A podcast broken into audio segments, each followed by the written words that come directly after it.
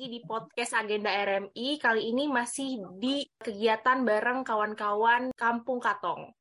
Nah, kemarin itu kita udah sempat ngobrol-ngobrol sama kakak-kakak yang dari kolektif video G dan juga Lakuat Kujawas. Kali ini kita bakalan ngobrol-ngobrol sama kakak-kakak dari Simpasio buat ngomongin sejarah kampung. Nah, temanya itu kenali sejarah kampung bersama Simpasio Institute. Nah, sekarang ini aku udah ditemenin sama dua kakak-kakak yang dari Simpasio Institute ada Kak Ratih dan juga Kak Rosni. Oke, aku panggil kakak-kakaknya buat perkenalan dulu ya. Halo Kak. Halo. Halo. Halo, boleh nih kenalan dulu dari siapa, di mana? Halo, selamat siang kawan-kawan ERMI dan kawan-kawan Kampung Katong. Perkenalkan, saya Wilhelmina Rosalia da Silva, biasa disapa Rosni. Kegiatan sehari-hari saya itu sebagai guru SMP dan di Simpasio sendiri saya adalah salah satu tim kreatif Simpasio. Oke. Karati. Ya, halo, halo teman-teman RMI dan Kampung Katong. Perkenalkan, nama saya Maria Fatima Lamauran, biasa dipanggil Rati. Saya sudah bergabung dengan Simpasio Institute sejak tahun 2016, sekitar 6 sampai 7 tahun lah. Kegiatan sehari-hari saya, saya juga seperti Kakak Rosni, saya sebagai seorang guru, tapi bedanya saya guru di sekolah dasar di wilayah sekitar rumah saja. Terus di Simpasio saya juga tergabung dalam tim kreatif Simpasio Institut Larantuka. Mungkin itu saja dari saya. Mantap. Jadi sekarang eh, kita lagi ngobrol-ngobrol sama dua guru nih. Ada guru SD sama guru SMP. Iya. Oke. Nah, mungkin aku dan juga kakak-kakak Karati atau Karosni itu udah tahu nih Simpasio Institute itu apa kawan-kawan RMI dan juga kawan Katong tuh belum tahu nih Simpasio Institute itu apa, terus lokasinya di mana, kegiatannya tuh ngapain aja. Nah, bisa nih jelasin nih sama kakak-kakak. Oke, terima kasih. Jadi Simpasio sendiri itu adalah lembaga arsip dan kajian sosial budaya di Flores Timur. Jadi lokasinya itu berada di Kelurahan Sadotari Tengah di Kecamatan Larantuka. Untuk Simpasio sendiri, Simpasio itu punya basic produksi, ada Mukosarbo Kitchen dengan Simpasio Art Shop. Untuk Mukosarbo Kitchen itu mengelola pangan lokal, dan untuk Art Shop itu menjual baju, tas, serta gelang-gelang yang dibuat sendiri sama teman-teman tim kreatif Simpasio. Oke, oke. Jadi selain bekerja dengan kearsipan dan juga budaya-budaya iya. lokal yeah. di Larantuka, kawan-kawan Simpasio juga membuka ini ya semacam toko hasil-hasil produksi kawan-kawan sendiri ya. Ada yang pangan mm -hmm. lokal dan juga ada hasil tangan. Iya, ya, kreasi-kreasi tangan itu. Tadi kan kakak sempat menyebutkan nih soal kerja-kerja pengarsipan budaya dan juga sejarah lokal di Larantuka gitu ya. Iya. Boleh tuh kita cerita-cerita lagi nih lebih dalam. Karena kan sekarang kita temanya tuh lebih mengenali sejarah kampung ala Simpasio Institute ya. Iya. Itu tuh gimana sih awalnya itu terbentuk? Kenapa Simpasio sendiri itu pada akhirnya tuh memilih nih kerja-kerja yang berkaitan sama budaya, arsip, dan juga sejarah di kampung. Karena itu hal yang menarik. Gimana tuh? Hmm. Awalnya terbentuk Simpasio Institute itu karena melihat direktur kami, Bapak Bernatukan. Bapak Bernatukan ini sangat aktif menulis dari berkegiatan literasi, menulis dari semenjak ia duduk di bangku kuliah. Nah, sehingga ketika kami orang muda, kami eh, kakak Eda dan kami beberapa kami, teman kami kembali, mereka kembali ke Kelarantuka setelah kuliah, mereka melihat bahwa sebenarnya arsip-arsip dari Bapak Biarnat ini sangat bernilai sehingga kami mencoba untuk mengarsipkannya dan mulai kami juga menyadari bahwa informasi, dokumentasi serta arsip tentang sosial budaya, sejarah masyarakat Melayu Larantuka Flores Timur ini sendiri sangat terbatas, sangat-sangat terbatas sehingga kami berusaha untuk memulai melakukan kegiatan-kegiatan lingkar belajar, kelompok-kelompok belajar kecil untuk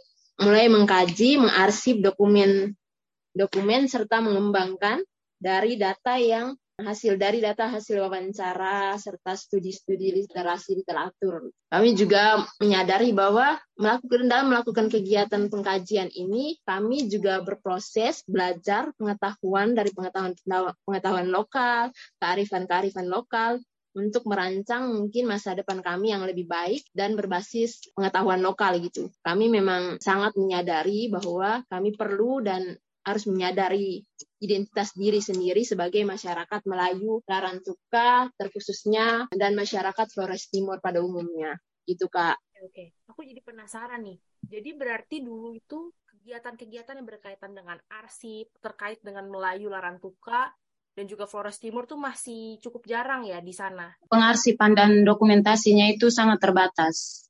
Dari pemerintahnya pun memang kurang mengkaji ke arah situ ya? Atau orang-orang lain mungkin akademisi dan lain-lainnya juga masih kurang ke arah ke situ ya? Kurang sehingga kami menyadari itu bahwa kami perlu teman-teman dari luar ketika kami keluar belajar di luar kami kembali kami sepertinya mengadopsi eh, budaya-budaya dari luar.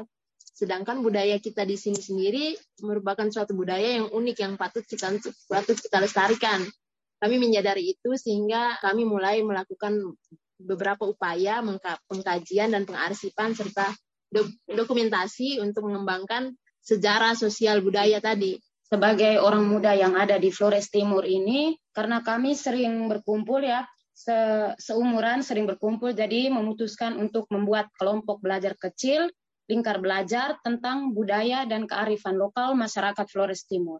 Oke, oke. Di tahun berapa itu, Kak? Mulai digalakan itu kegiatan dari simpasi? 2000. Oh, 2016. Berarti kegiatan 2016 itu diawali dengan lingkar belajar ya?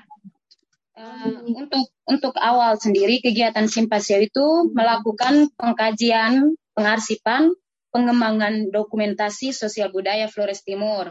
Terus yang kedua itu ruang kreasi dan lingkar belajar bersama orang muda.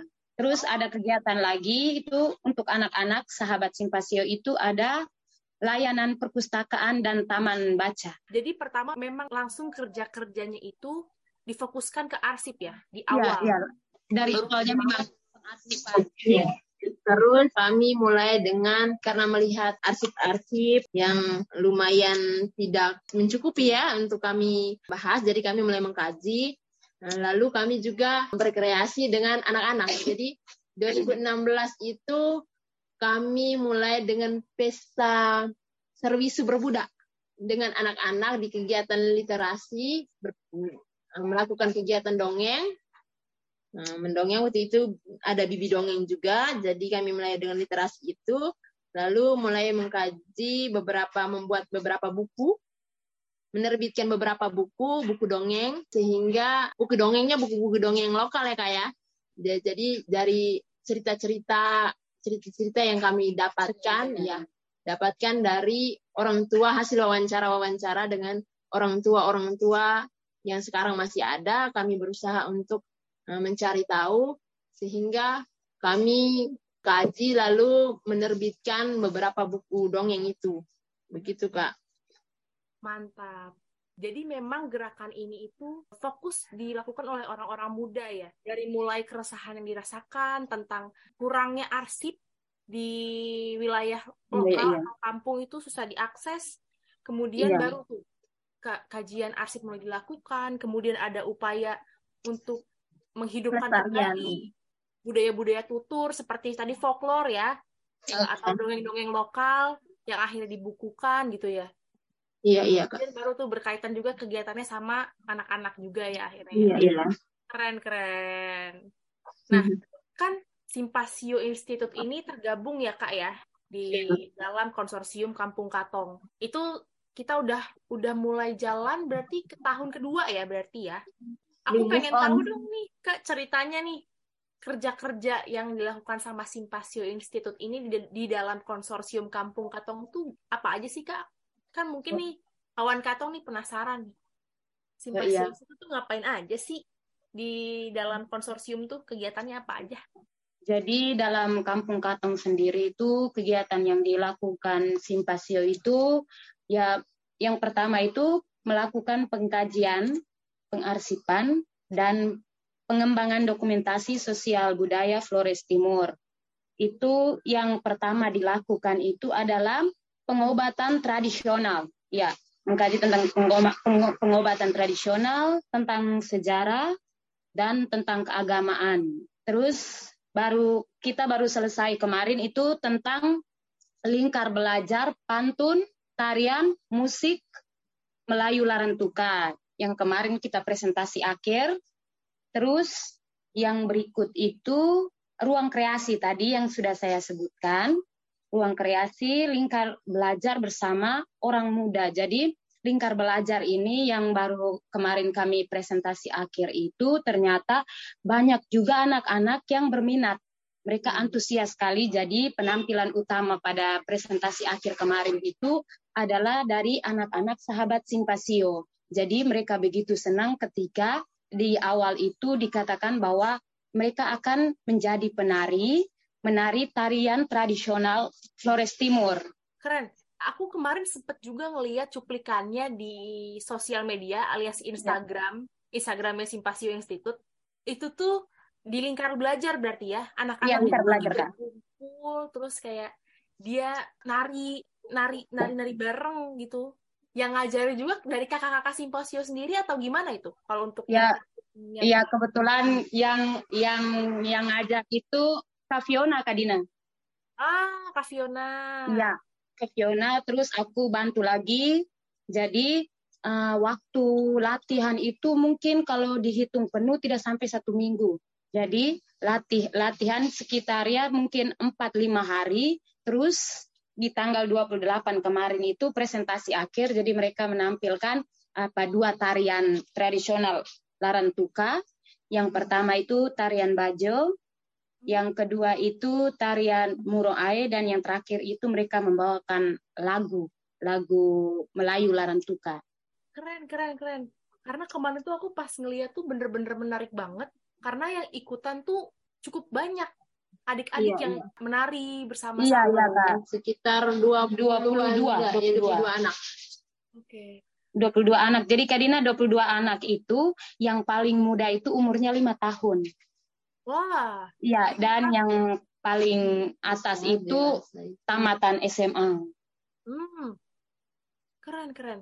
Itu tahu dari mana itu, Kak? Apakah dari Simpasio sendirinya datang-datang ke sekolah kah atau sosialisasi menggunakan platform online yang akhirnya disebarin gitu, akhirnya banyak yang datang gitu. Gimana Kak caranya? Hmm. Kebetulan ini yang ikut kemarin itu kan sahabat Simpasio. Jadi uh, Karati kan guru di SD. Jadi kebanyakan sahabat-sahabat Simpasio itu ini anak SD dari sekolah yang Karati ajar gitu. Oh. Jadi ya tinggal infonya dibagikan oleh Karati terus anak-anak di sekitar lingkungan Simpasio berada terus yang paling jauh itu mungkin di tempatnya Kaviona di Waibalun.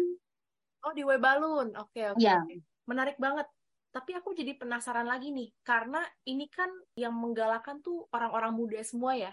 Iya. iya, iya. Terus tapi tuh ini berkaitan dengan hal-hal sejarah gitu, yang mana banyak orang muda tuh yang beranggapan kalau misalkan sejarah itu hal yang kuno gitu. Ya hal-hal yang udah nggak relevan di masa sekarang. Tapi ini menarik banget karena kawan-kawan simpasio ini mengangkat kembali pengetahuan-pengetahuan lokal, baik itu obat tradisional, terus sejarah-sejarah kerajaan Melayu Larantuka, iya. terus keagamaannya gimana dari dulu dan sekarang keadaannya. Terus nggak cuman itu, budayanya pun diangkat. Ada pantun, iya. musik juga ada, tarian juga ada. Nah, aku tuh jadi penasaran lagi nih, kenapa sih dipilihnya tuh sejarahnya ini loh, Kak? Dan iya kebudayaannya itu sendiri kenapa? Kenapa harus itu? Kenapa harus obat tradisional? Kenapa harus pantun? Kenapa harus tarian? Karena itu hal yang menarik buat diperdalam. Ya, jadi jadi apa kami sebagai orang muda itu menyadari bahwa sejarah dan budaya itu sebagai identitas kami. Jadi identitas sebagai apa warga masyarakat Flores Timur Nagi Melayu Larantuka dan pengetahuan lokal itu harus kita lestarikan bersama. Jadi melihat fakta bahwa sekarang banyak anak muda yang tidak tahu tentang budaya sendiri. Entah itu tarian, musik maupun pantun, bahkan pengobatan tradisional. Nah, kalaupun ada anak-anak yang tahu tentang tarian, misalnya tarian bajo, tarian murai, tapi mereka tidak pernah tahu makna atau untuk apa tarian itu digunakan. Jadi kemarin eh, di saat lingkar belajar tarian musik dan pantun Melayu Larantuka itu sebelum sebelum kami latihan menari itu diberikan informasi tentang tarian bajo itu digunakan untuk apa, tarian murai itu digunakan untuk apa seperti itu menarik banget. Aku jadi semakin penasaran lagi nih kak. Ini kan berarti ada proses pertukaran pengetahuan lokal tradisional dari generasi yang lebih tua ke generasi yang lebih muda. Dari kakak-kakak sendiri berarti tahu informasi ini itu dari orang tua kah atau dari buku walaupun mungkin sulit untuk ditemukan ya. Dari mana tuh kak? Informasinya itu dari mana? Jadi untuk informasi sendiri itu apa dimulai dari pertama kan orang tua di dalam rumah itu budaya itu dimulai dari dalam rumah sering mendengar cerita-cerita dari orang tua. Itu untuk untuk kami tapi untuk adik-adik mereka sekarang mereka sudah sangat jarang mendengar cerita tentang itu. Jadi melalui lingkar belajar ini pertama yang dilakukan itu kakak-kakak kakak-kakak yang uh, pergi untuk melakukan wawancara dengan mama-mama, papa-bapak, dan dari wawancara itu dikumpulkan, terus dituliskan kembali dengan rapi, dan hasil dari wawancara itu yang kami bagikan kepada adik-adik. Berarti kondisinya itu pada saat ini ya, mungkin iya, karena ya, pada saat ini ya informasi yang semakin banyak dan tidak terfilter gitu ya. Jadi informasi-informasi atau pengetahuan lokal tuh semakin mengendap, semakin gak kelihatan. Iya, iya. Makanya pengetahuan lokal itu jadi kayak ada jaraknya. Pengetahuan lokal tuh hanya dimiliki oleh orang-orang tua saja. Jadi orang-orang muda tuh mungkin punya kesulitan tersendiri. Makanya pada saat sekarang ini kakak-kakak tuh mulai melakukan ya. Iya, lingkar dengan ya. generasi-generasi yang lebih senior gitu sama mama-mama iya. atau papa-papa buat ngomongin soal budaya dan kesejarahannya gitu ya. Iya. Oh, keren keren. Menarik banget nih. Terus aku jadi penasaran, kesulitannya itu apa ya dari pengkajian sejarah? Kan kebanyakan itu lewat tutur ya. Iya, iya. Lewat bercerita gitu-gitu. Nah, itu kesulitannya gimana sih, Kak? Kalau jujur ya memang banyak kendala sih kami. Hmm, banyak kendala, kendala yang paling banyak itu adalah mencari narasumbernya. Nah, narasumbernya ini untuk seperti pengobatan tradisional, tenun, sejarah kota, agama, kerajaan itu kan sudah banyak apa tetua. Istilahnya orang tua orang tua itu banyak kan yang yang sudah tak yang tahu itu sudah sudah tidak ada sudah meninggal begitu. Jadi kami memang agak kesulitan untuk mencari informasi itu. Tetapi syukurnya puji Tuhan bahwa hmm, kami bisa menemukan uh, orang tua orang tua yang memang mau berbagi yang tahu dan mau berbagi uh, untuk kami gitu. Jadi memang agak sulit sih. Banyak sekali kendalanya. Selain kendala dalam mencari narasumber, kendala juga kalau seperti pengobatan tradisional itu tanaman-tanamannya. Tanaman-tanamannya itu sekarang sudah jarang sekali ditemukan di wilayah kota Larantuka sendiri.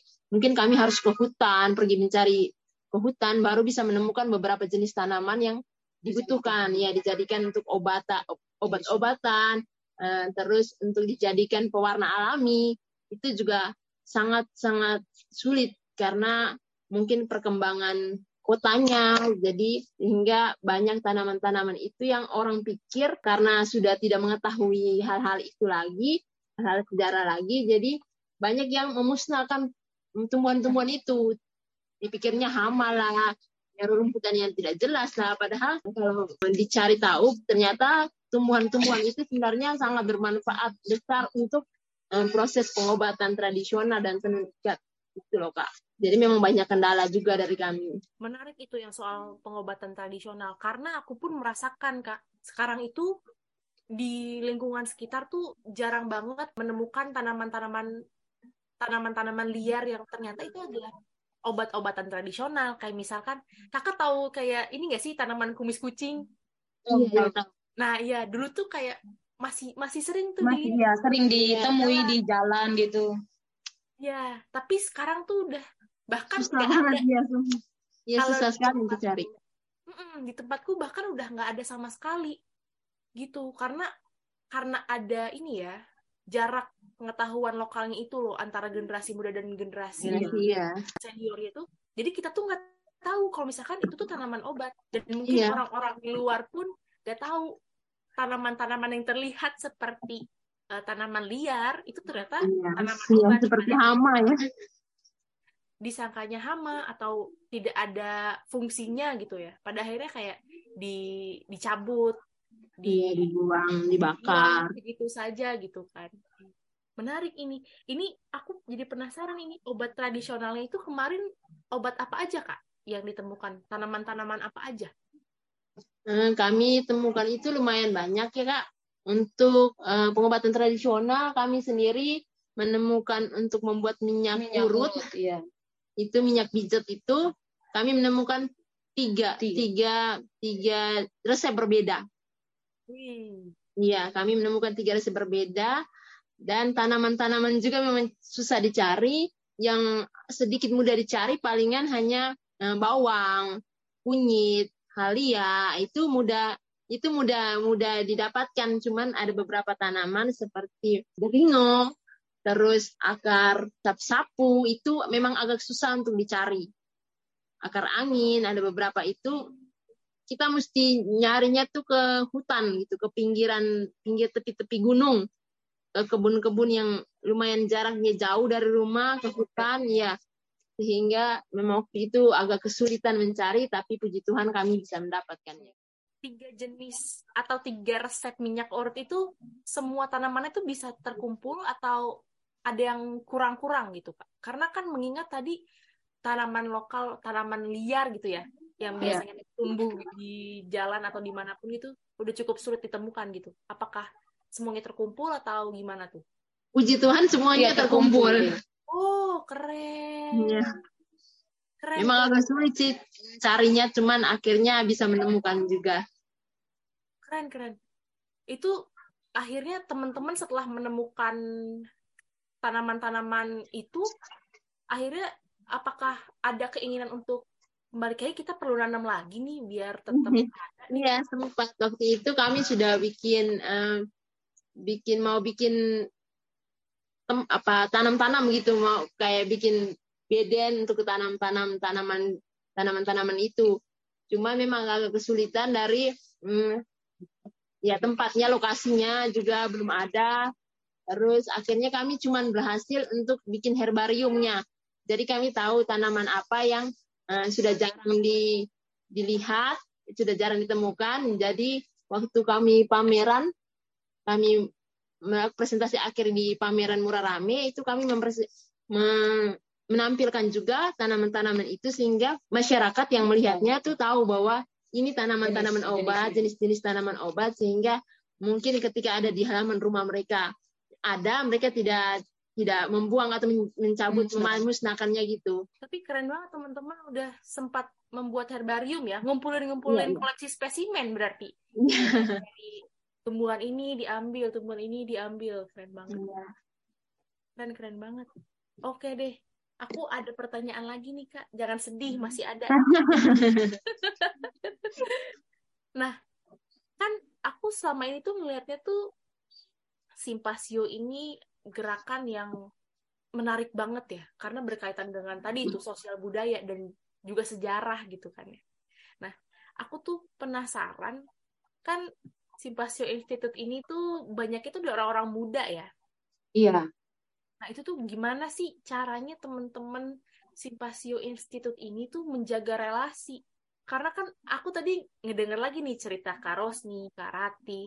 Itu kakak-kakak tuh punya kegiatan lain gitu di luar di luar Simpasio gitu. Ada yang jadi guru, ada yang jadi banyak lah pasti ya selain guru juga pasti ada yang lain gitu. Nah, gimana sih caranya tuh dari teman-teman SSI menjaga relasi biar tetap kompak?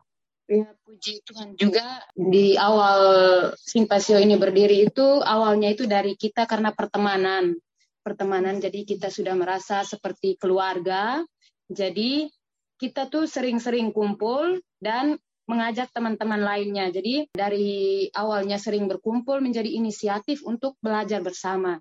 Jadi di dalam simpasio itu kita selalu mengutamakan itu persahabatan, ya rasa saling memiliki begitu.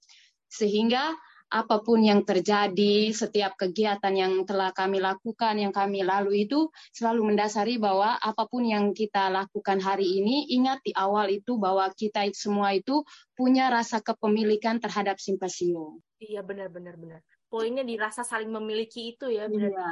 Gimana caranya kawan-kawan yang lain juga merasa ikut ikut ada andil di dalam komunitas dan juga lingkungan sekitar. Jadi biar yeah. kayak semua sama-sama kita bareng-bareng gitu ya. Bareng-bareng ya. Sering ada kegiatan bareng gitu nggak sih di luar kegiatan komunitas itu kayak yang main ke mana bareng gitu untuk mengaitkan relasi antar sesama gitu. Ini sering sih kak. Sering uh, kalau kalau kan ini di akhir di akhir Januari itu uh, kegiatan simpasio kan lingkar belajar tarian, musik dan pantun Melayu Larantuka. Kebetulan kemarin kita sudah presentasi akhir, jadi ini hari itu kita jadwalnya nanti akan ramah-tamah bersama begitu di pantai. Iya. Kadang kadang kalau bukan ke pantai berarti cuma ngumpul aja di base camp begitu. Bakar-bakar. Bakar-bakar ya. Wih. Kalau kata orang Sunda mah itu namanya ngariung. Bareng gitu, Kak. Iya. Iya. Makan bareng, ngobrol bareng gitu. Ngobrol bareng iya. Iya benar benar benar. Keren keren keren. Terus kalau untuk adik-adiknya itu kalau di hari Minggu kayak gini Kak, nggak ada janjian, tiba-tiba datang gitu. Terus nanti bermain di depan. Kalau sudah selesai bermain itu baru pulang. Jadi kadang kita itu duduk-duduk aja Kak. Duduk-duduk tapi tiba-tiba ada adik mereka yang datang ngajak begitu jalan-jalan. Berarti kalau misalkan dari sahabat simpasio ini sendiri atau adik-adik ini emang nggak ada jadwal khusus untuk kayak oke okay, kita setiap minggu atau setiap hari apa gitu kita main ya kita baca buku gitu. Oh nggak ternyata.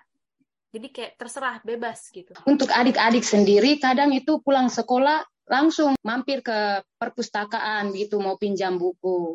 Nah dari situ baru ada ide. Mungkin tidak ada jadwal khusus, tapi ide-ide itu muncul sendiri ketika mereka datang berkunjung ke perpustakaan untuk menanyakan kegiatan simpasio. Karena sering main gitu, jadi kayak ya sering ya sering main. Jadi penasaran ya. Ini kegiatan ya. apa lagi sih ini yang mau diadain sama kakak-kakak simpasio?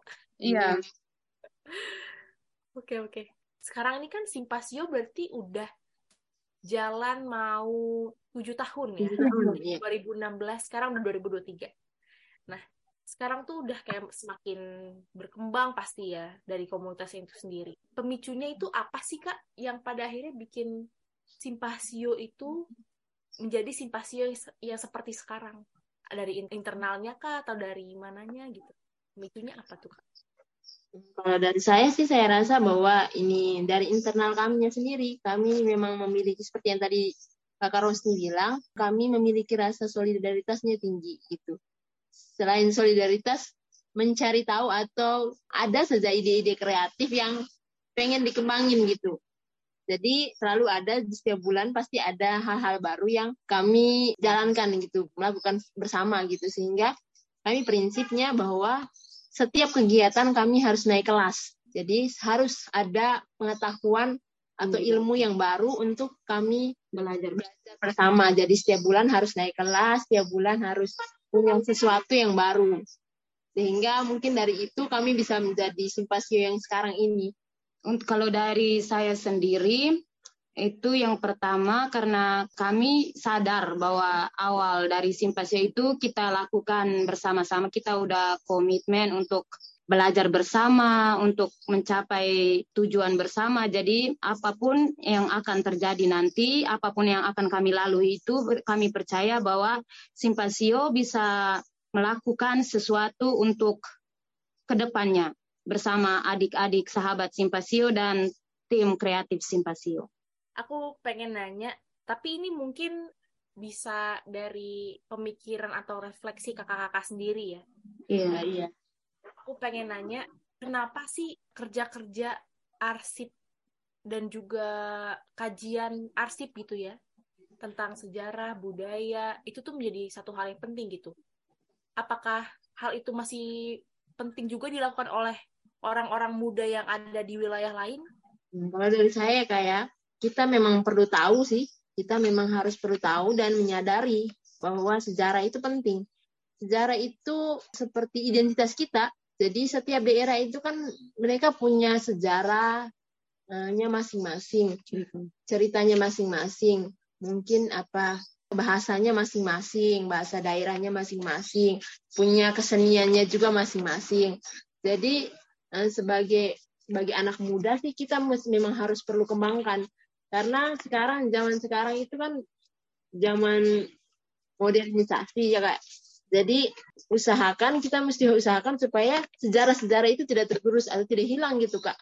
Karena rugi sekali karena itu aset aset daerah kita identitas kita masa mau, mau kita gantikan dengan yang lain kan kan aneh gitu lah kak. Jadi saya rasa bahwa penting sekali belajar sejarah budaya kita sendiri karena itu adalah identitas kita.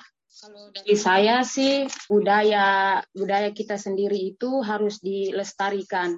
Di Simpasio kan tujuannya itu mengkaji, mengarsip dan mengembangkan data-data yang ada. Jadi bisa memudahkan siapa saja untuk untuk mengetahui bagaimana sejarahnya, bagaimana pengobatan tradisional, tarian, musik, dan pantun itu sehingga lebih mudah untuk ditemukan bagi generasi-generasi muda sekarang yang untuk ke depannya ingin mencari tahu supaya mereka lebih mudah mendapatkan informasi-informasi itu. Harapan dari kakak-kakak semuanya nih pergerakan atau hal-hal yang dilakukan oleh orang-orang muda yang fokus dengan komunitasnya tuh ke depan tuh gimana gitu harapannya kakak?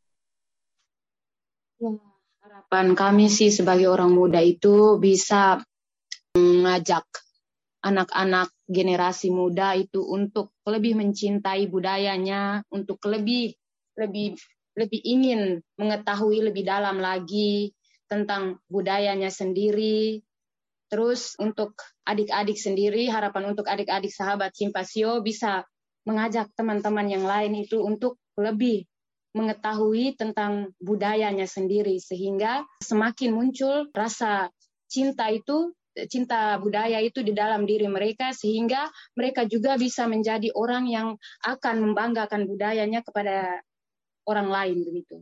Terima kasih nih kakak-kakak semuanya. Jadi apa yang aku tangkap itu adalah kita tuh sebagai orang muda tuh perlu menumbuhkan rasa memiliki gitu ya tentang yeah. bagaimana identitas kita tuh ya ya harus ya harus kita lestarikan juga yeah. sejarah budaya terus juga bahasa masakan pun itu mengandung yeah. sejarah itu identitas kita lagi jadi setelah kita mengetahui identitas kita kita bakalan bisa mungkin membantu orang-orang luar untuk saling bertukar informasi gitu kayak nantinya kita iya. juga menumbuhkan rasa saling memiliki gak iya, cuma di iya. antara kita kitanya aja tapi orang-orang di luar orang-orang iya betul nah orang-orang di luar pun pada akhirnya kayak lebih mengenali kita lebih sayang lagi dengan budaya dan akhirnya kita jadi sama-sama tahu itu ya menumbuhkan yeah. rasa saling memiliki dan mengenali identitas diri gitu ya semangat yeah. dekolonisasi lah pokoknya ya Oke deh Kak, ini terima kasih banget nih untuk udah ngobrol-ngobrol bersama aku,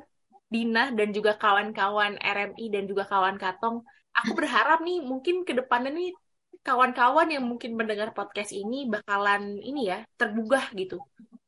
Tergugah untuk menemukan kenali. Nah, menemukan kenali kembali identitas diri melalui sejarah dan budaya dari budaya, ya, sendiri gitu ya. Ya. Oke deh. Terima kasih. Oke, terima kasih. Terima kasih juga, Kak. Semoga sehat-sehat selalu. Iya, selamat siang. Semoga sehat selalu, Kak Dina. Terima kasih. Ya. ya. Música